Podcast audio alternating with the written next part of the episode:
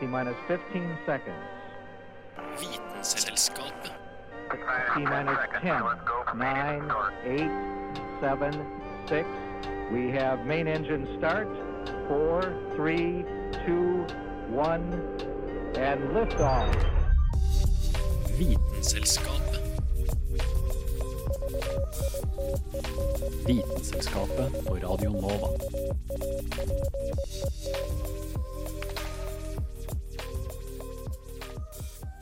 Vitenskap handler på en måte om å finne sannheten om verden.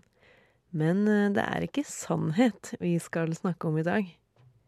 I dag skal du nemlig få høre om dyr som lurer oss, forskere som svindler oss, mat som bedrar oss, og måter vi kan spille puss på vår egen hjerne. Mitt navn er Kristin Grydland, og dette er Svindel og bedrag med Vitenselskapet.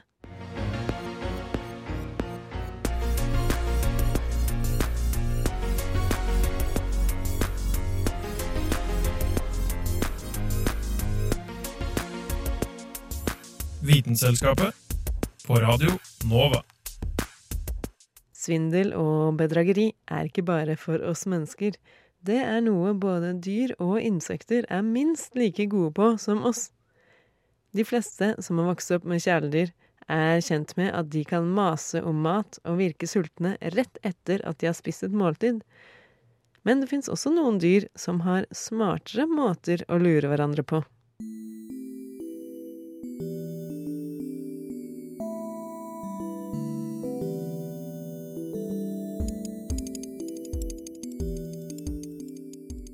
At gjøken legger eggene sine i andres reir, er noe de fleste vet. Men visste du f.eks. at blåskriken har lært seg å imitere haukeskrik for å skremme andre fugler bort fra maten deres? Dette er jo bare to eksempler på dyr som snylter og bedrar andre dyr. Noe som stadig skjer i dyreriket. Her er regelen som regel at hvis du ikke bedrar andre, blir du mest sannsynlig bedratt selv.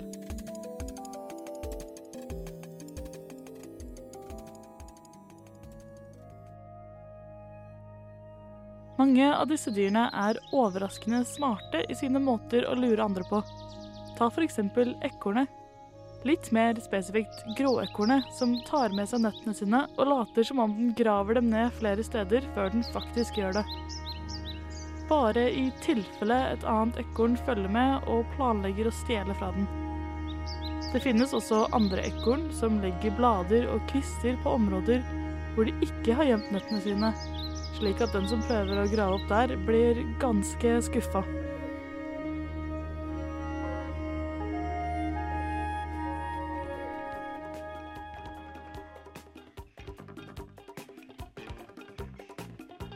Det er vanskelig å forestille seg at dyr lyver til hverandre, siden de ikke har avanserte språk som vi kan forstå. Men flere typer dyr har lært seg å kommunisere med hverandre, særlig de som lever i flokk. Rhesusapene er ett av disse dyrene. Når de finner mat ute i naturen, skriker de som regel for å si ifra til resten av flokken, slik at alle får spise. Men av og til, nærmere bestemt 55% av gangene de finner mat, holder de det for seg selv. Hvis resten av flokken finner ut at de har latt være å dele, blir de ofte aggressive mot dem. Noen av hundeapene har derfor lært seg å spise mindre enn de vanligvis ville gjort når de holder maten for seg selv, slik at ingen skal mistenke dem. De har altså lært seg kunsten av å lyve og å komme unna med det.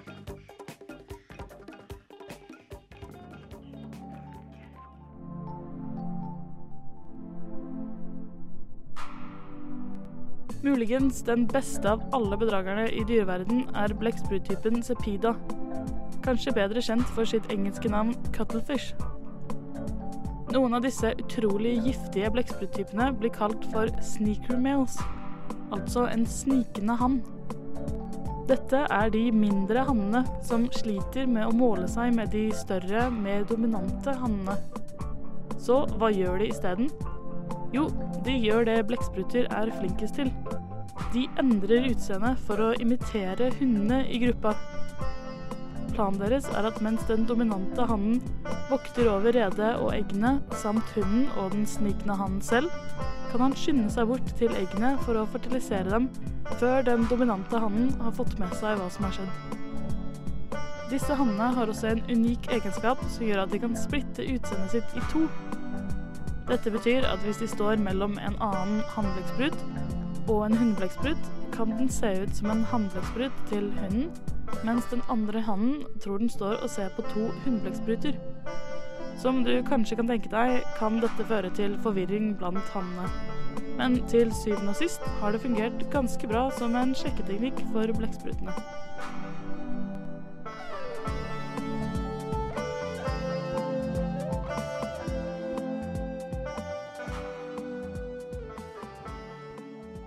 Den bedrageren du hørte her, var Julianne Li Fjell.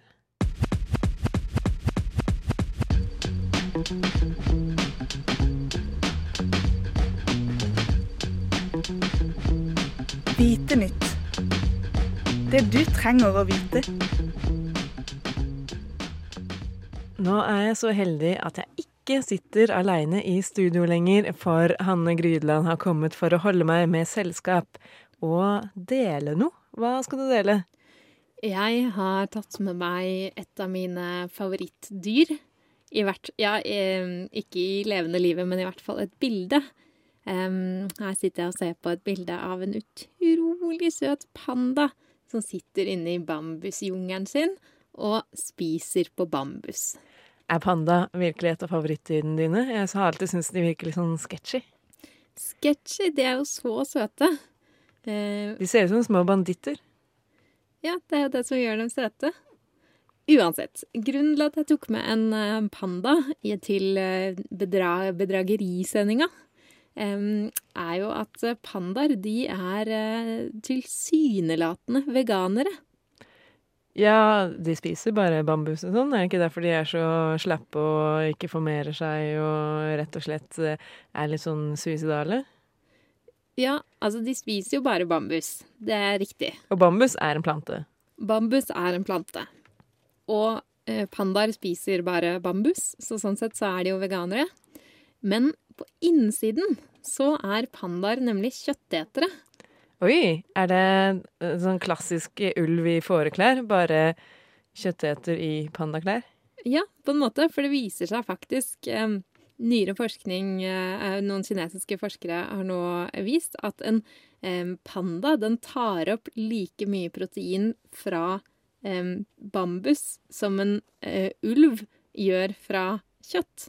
Altså forholdsmessig med tanke på hvilke, eh, hvilke næringsstoffer som finnes i bambus, da. Så den fungerer som en kjøtteter?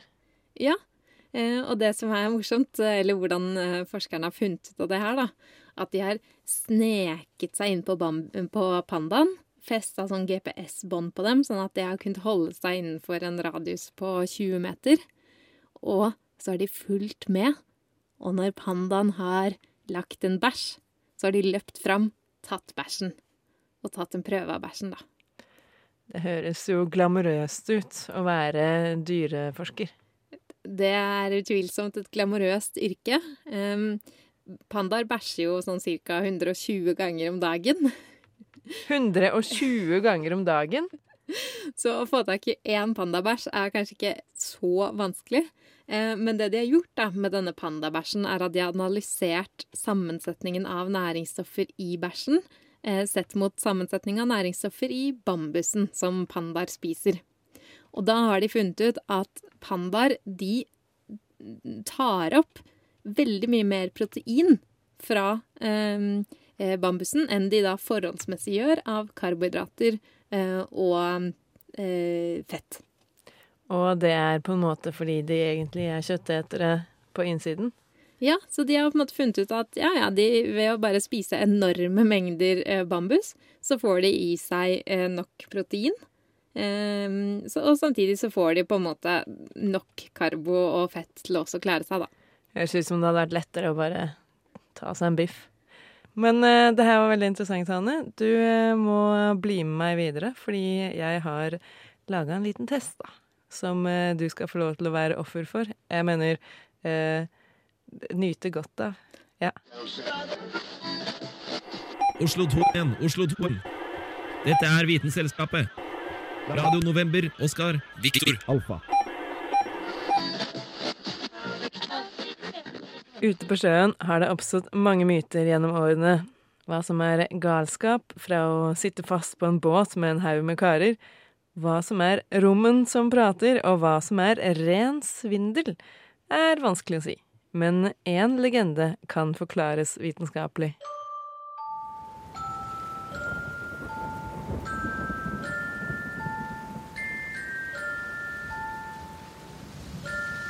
Den flygende hollander seiler hvileløst rundt Sør-Atlanteren og Det indiske hav. Ser du skipet, kjenner du hjertet bli kaldt, og du veit at død og fordervelse er nær. Et spøkelsesskip som flyg i horisonten, sendt fra Gud for å straffe en blasfemisk kaptein. Og ser du et flygende skip, veit du at du er ille ute. Flygende skip er nok ikke vitenskapelig bevisst, men at et skip ser ut som det seiler gjennom lufta, kan forklares. Du forbitt kanskje luftspeilinger med ørkenen. Ei oase som ikke er der, et luftslott som lover frelse. Men luftspeilinger kan oppstå flere enn bare én plass. Det er nemlig noen spesifikke faktorer som må være på plass før du kan se ei luftspeiling. Ljos er bølger som beveger seg gjennom atmosfæra, tilsynelatende uforstyrra av gassen som omringer oss alle. Men den direkte, uforstyrra reisa til ljos fra objekt til subjekt er ikke hele sannheten. Ljoset kan nemlig bøye seg. Effekten får oss når temperaturen ved bakken og høyere opp i lufta er ulik. Temperatur er bare et mål på hvor mye molekylene i lufta beveger seg. Dess høyere temp, dess mer bevegelse, og dess færre molekyl er det plass til. Det betyr altså at kald luft er tettere enn varm luft. Når ljoset kommer ned fra himmelen, gjennom luft i forskjellige temperaturer, skjer det ting med ljosbølgene. Den tette, kalde lufta har en større brytningsindeks enn den varme. Det betyr at ljoset bøyer seg mer i kald enn i varm luft. Sånn kan en forklare å se ei oase i ørkenen. All sanda sørger for at det er varmt som bare søren rett over bakken. Når ljosbølgene kommer inn i varmlufta, blir de bøyd litt oppover. Og øynene våre oppfatter at det vi ser, kommer fra over i stedet for rett fram. Sånn kan du tro at du ser et vann der borte i horisonten. Sårt trangt vann i den uutholdelige ørkenvarmen. Det du egentlig ser, er himmelen. lurt til håp av ljosbrytning.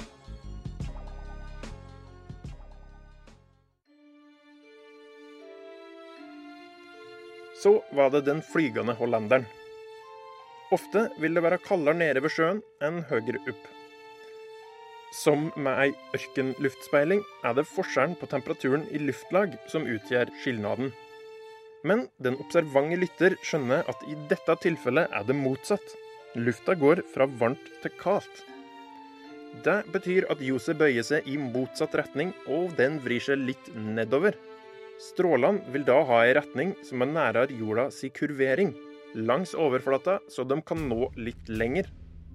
Sånn kan en se ting som er forbi horisonten, og tingene vil ofte se ut som de er høyere opp enn det de faktisk er. Blir et skip utsatt for slik ljosbedrag, ser det plutselig ut som et spøkelsesskip som flyr på overnaturlig vis. Ikke rart at sjømenn er kjent for å være overtruiske. Luftspeilinger oppstår altså ikke bare i varme ørkener, men også der det er kaldt. Derfor er det ofte tull med lyset i polare strøk også. Saken ble laget av Carl Adams Kvam.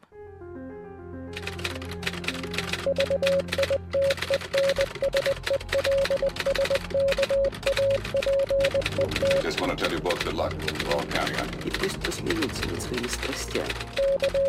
Ведь то, что они называют страстью, на самом деле не душевное. Vitenselskapet а лишь трение между душой и внешним миром. knekker vitenskapens koder. Good job.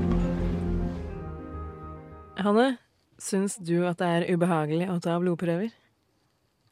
Altså, ja, litt. Det er litt ubehagelig. Syns du ikke det virker litt unødvendig å ta ut rør på rør med blod bare for å sjekke en liten ting? Hadde vært digg å slippe. Vel, da kan du høre etter nå, for eh, dette her er en sak om en dame som mente akkurat det samme, og faktisk gjorde noe med dette problemet.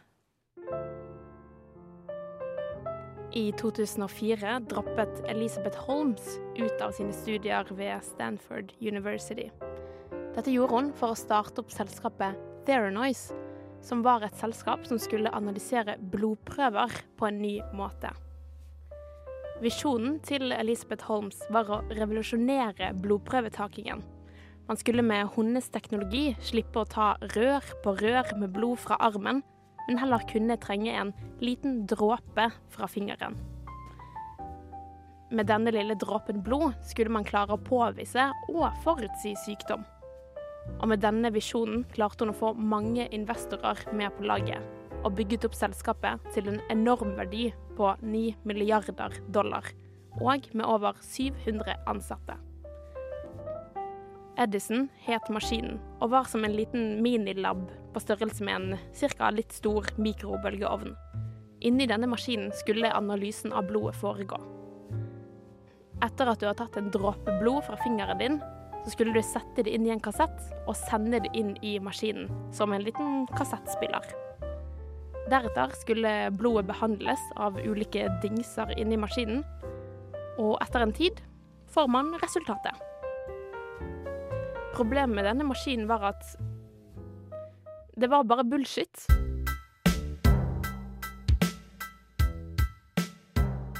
Da forskerne og labteknikerne faktisk skulle bruke denne maskinen, så falt deler fra hverandre, ting knakk, eksploderte, kortsluttet og masse blodsøl inni hele maskinen. Og når medarbeiderne sa at denne maskinen eller teknologien ikke fungerte, så ble de enten fryst ut, nedgradert eller ble fortalt Oh, so you're not a Silicon Valley kind of guy. Selv om hele selskapet var basert på en løgn, så klarte altså Elisabeth Holmes å opprettholde fasaden om at hun var et sjeldent geni med denne nye boksen av en minilab. Hun klarte å alliere seg med gamle, mektige menn som lot seg sjarmere av henne. Men hun var overhodet ikke interessert bak det vitenskapelige eller medisinske. Da de skulle demonstrere hvordan denne Edison-maskinen fungerte til investorer som var på besøk, så kunne det foregå slik. Investorene møter Elizabeth Holmes. En av de tar et lite stikk på fingeren og samler det lille blodet inn i et lite rør. Satt det inn i Edison. Deretter dro de kanskje på lunsj eller hadde et lite møte. I mellomtiden kom en labtekniker, tok ut prøven som var i maskinen, og analyserte blodet ved pulten sin. Etter en time var både lunsj og analysen av blodet ferdig, og vips, investorene lot seg fascinere over denne maskinen, og Elisabeth Holmes fikk mer penger inn.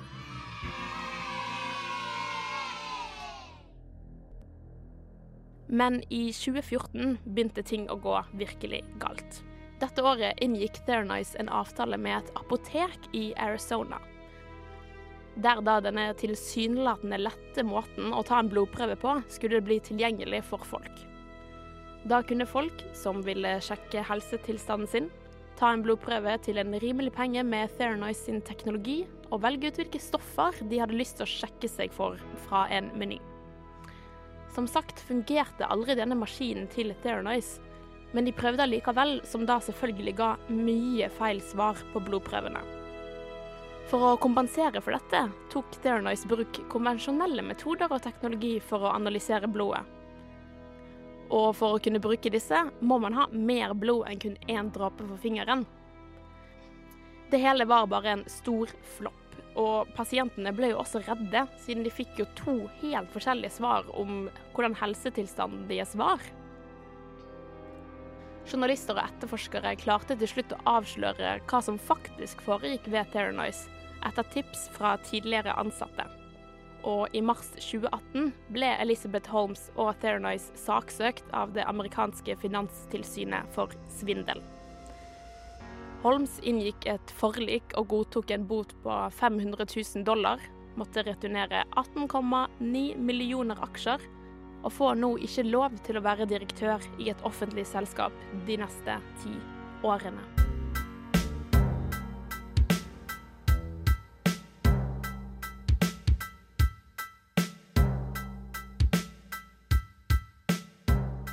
Jeg tror nok livet er litt vanskelig for Elizabeth Holmes for tiden, men vi kan jo lære av dette. Ikke kødd med resultater eller folk, please. Denne saken ble laget av Anna Vik Rødseth. Oh. I mean, the natural world is just fun. Du hører på Vitenselskapet på Radio Nova. What more do you want? Greit, da har vi kommet til den delen av sendinga som jeg egentlig har gleda meg litt til. Eh, Det handler jo om svindel og bedrag her, og sånn sett så er det her kanskje litt på siden, men det er jo kommet mange matvarer i butikken som jeg vil ikke akkurat kalle det svindel, men de prøver i hvert fall å erstatte et annet produkt. Som regel et kjøttprodukt eller eh, melkeprodukt eller eh, sukkerprodukt. Og derfor så tenkte jeg at vi skulle ta en liten test og se Kan du avsløre den såkalte svindleren? Er du spent? Jeg er uh, veldig spent. Du har ikke sett hva jeg har i posen, så det her uh, skal være en uh, blindtest. Faktisk så blind at jeg tenker ta på deg det skjerfet her, sånn at du ikke ser noen ting. Okay. Da har jeg fått et skjerf av deg, så da bare binder jeg det rundt. Ja, det er ganske øynene. stort, så må passe på at det ikke dekker munnen. Da finner jeg fram litt sånn varer fra posen. Vi begynner med en litt enkel en, og jeg tror du kommer til å gjette liksom hvilket område vi er på når du hører denne lyden. Oi, ja. Det er noe Det er en eh, brusende drikke, i hvert fall. Hvis jeg kan gjette, så den, inneholder den ene at det ene er en brus som inneholder sukker, og den andre er en brus som ikke inneholder sukker. Altså en sukkererstatning. Det stemmer, Hanne. Klarer du å gjette hva slags brus det er også? Vi, er det klassikeren cola? Det er klassikeren cola. Jeg vet at du ikke drikker det så ofte, så tenkte jeg ja, da blir det vanskeligere å smake det. Ja, for hvis jeg hadde vært en trofast coladrikker, så hadde jeg kanskje tatt den med en gang. Greit, her får du glasset. Ja. Hva er dommen? Den tror jeg inneholder sukker. Men det er cola. Det Ja, cola er det. Ja. Ja. ja, den siste tror jeg er um, kunstig sukker. Altså Cola Light eller Cola Zero. Det er faktisk den eh, colaen som heter Coca-Cola uten sukker. Ja, nettopp. Men det var veldig bra, Hanne. Takk. Eh, den prøvde å svindle deg, men den klarte det ikke. Svindlet meg for noen kalorier. Ok, men da er vi eh, inne på den siste tingen du skal eh, smake, og det er ingen ringere enn tre ting. Oi. Greit, skal du høre. Hva tror du dette er? Er det noe godteri? Det er helt riktig, Hanne. Du er en skarping.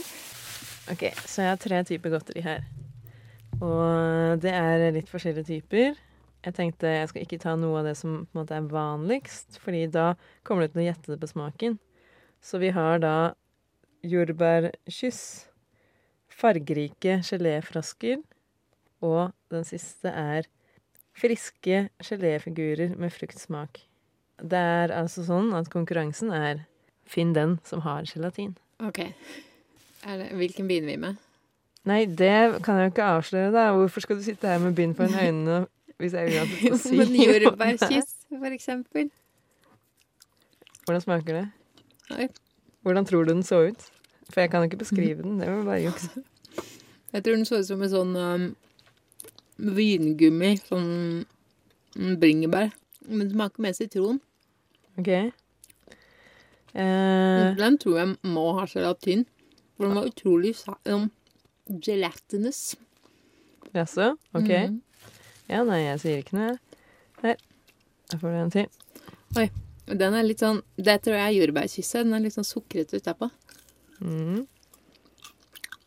Mm. Men har den gelatin i seg? Den, den tror jeg kan faktisk risikere å ikke ha gelatin. For den var ganske mer sånn øh, den, hang, den var ikke så seig, på en måte. Ok, Det her er den Her siste, og her må du putte Oi. hele munnen, og så må du Wow. beskrive formen. Bare putt den i munnen. Sånn, ja. Du må føle med munnen.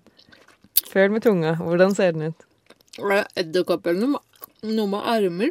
Det, det er en sånn, sånn uh, fargerik uh, sko- geléflaske. Å, fy søren. Og ikke, ikke noe god. Jeg tror nok den har gelatin, for Hvis du ikke syns det er synd hvis det er det på veganere, hvis det er dette som er alternativet. Så mener at det dårligste godteriet har uh, gelatin i? Ja. Um, jeg tror det midterste er det uten gelatin. Altså jordbærkyss. Men det skal være to som er uten gelatin. Ja, var det det? Ja. Ja, da tipper jeg det her heller ikke er gelatin. Så hvilken er det som er gelatin? Den første? Den første. Det, der har dere feil, Hanne. For uh, det var den frosken som har gelatin. Ja. Så det er jo en glede for alle veganere der ute. Det går ikke glipp av noe. Den går ikke glipp av noe. Men uh, vet du hva gelatin egentlig består av? Det er jo en okse, okse Det er jo en, en animalsk komponent, uten at jeg helt vet hva mer. Ja, det er et biprodukt fra svin og storfe, som da kokes, da, rett og slett. Og da får man ut proteinet kollagen, som du sikkert har hørt om før. Ja. Og det blir jo et veldig sånn proteinholdig vann. Og så blir det rensa, avsalta, sterilisert og tørka. Og dermed så blir det den litt sånn seige, tyggete, rare tingen som vi bruker i godteri og dessert. Det, men det er litt merkelig. Kan jeg ta av bindet for øynene nå? Nå kan du ta av bindet for øynene, for nå er vi ferdig med smakstesten, Hanne. Gratulerer. Du klarte deg ikke så veldig bra. Var... Jeg tok cola, colaen, da. Greit. Tusen takk skal du ha, Hanne. Takk for det, Kristin.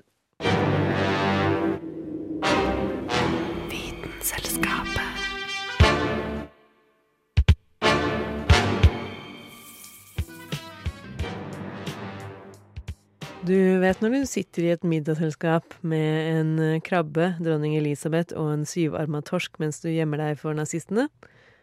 Ikke? Vær klar for en liten trip. Det var en vakker vårdag i Sveits. Kjemikeren Albert Hoffmann skulle lage seg litt fersk rugbrød, eller han skulle gjøre noe med noen kjemiske greier med rug.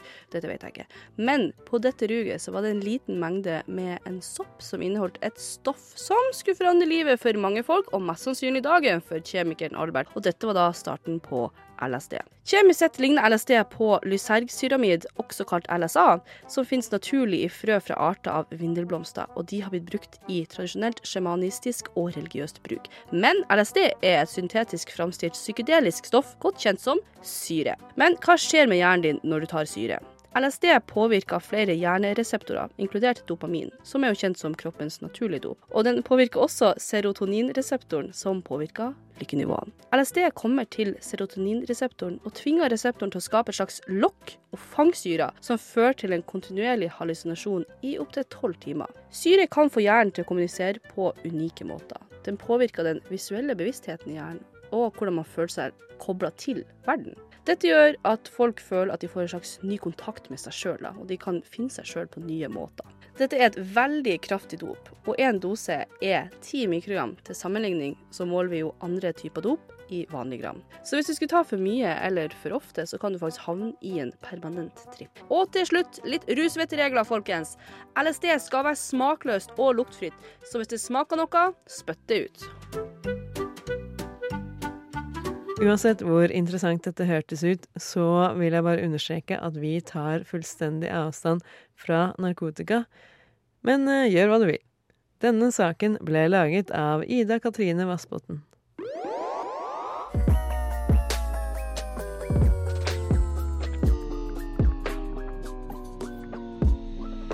Vitenselskapet.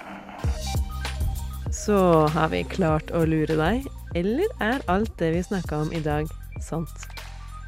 Du kan jo høre sendingen om igjen, eller bare fortsette å lure. Det som i hvert fall er helt på ekte, er at du kan finne podkasten vår på Soundcloud eller Spotify, og følge oss på Facebook og Instagram. Vi er tilbake neste uke med flere sannheter enn løgner. Mitt navn er Kristin Grideland, og vi høres.